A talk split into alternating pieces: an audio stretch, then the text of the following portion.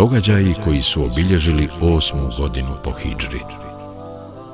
Ukratko ćemo se prisjetiti najvažnijih i najinteresantnijih događaja koji su se desili osme godine po Hidžri.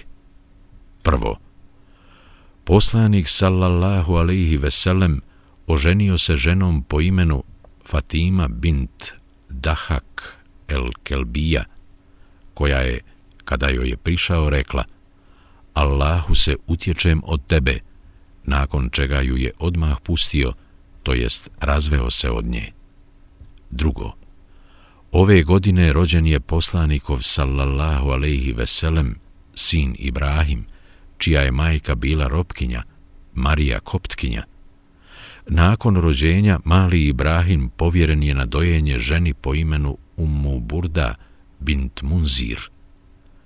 Pravo ime Ummu Burde bilo je Havla bint Munzir. Treće, poslanik sallallahu alaihi veselem poslao je Kaba bin Umeira el Gifarija na borbeni zadatak u mjesto Zatu Atlah, koje se nalazi na teritoriji Šama, kako bi neke pripadnike plemena Kuda pozvao u islam. Tom prilikom uz Kaba je bilo još 15 ljudi. Kada su članove ovog plemena muslimani pozvali u islam, oni im se nisu odazvali, već ih napadoše i pobiše sve, osim zapovjednika Kaba, koji se uspio spasiti i vratiti u Medinu. Četvrto. Vjerovjesnik sallallahu alejhi ve sellem poslao je na borbeni zadatak u Jejnu bin Hisna, naredivši mu da izvrši prepad na klan Benu Anber, ogranak plemena Temim, što je on i učinio, i tom prilikom zarobio neke žene iz ovog klana. A iša radijallahu anha ranije se zavjetovala da će osloboditi roba potomka Ismaila alejhisselam, pa joj poslanik sallallahu alejhi ve sellem reče: Uskoro će nam biti dovedeno roblje iz klana Benu Anber, pa ćemo ti dati jednog čovjeka da ga oslobodiš. Kada je roblje u istinu i dovedeno, poslanik sallallahu alejhi ve sellem darovao joj jednog roba, kojeg je ona potom oslobodila.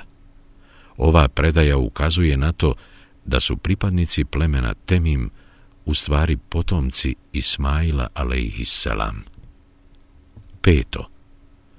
Muhammed sallallahu alejhi ve sellem ove godine posla Džerira bin Abdullaha el Beđerlija na čelu skupine od 150 ljudi da uništi kip poznat kao Zulhalesa koji se nalazio unutar hrama koji je pripadao plemenima Hasam i Bedžilla.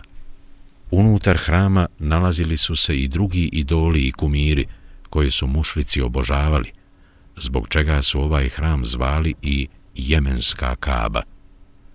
Džerir bin Abdullah el Beđeli došao je u ovaj hram i spalio ga, te ga u potpunosti razorio.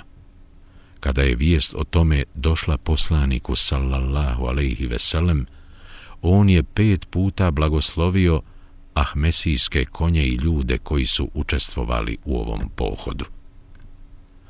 Ranije smo spomenuli da je Ahmes zajednički naziv za plemena Kurejš, Kinana i Bedžilla. Ova riječ dolazi od arapske riječi Hamese, što znači polet, srčanost, hrabrost. To ime su dobili zbog svoje hrabrosti i neustrašivosti. Također valja napomenuti da postoji i jedno zasebno arapsko pleme koje se zove Ahmes. Ahmes.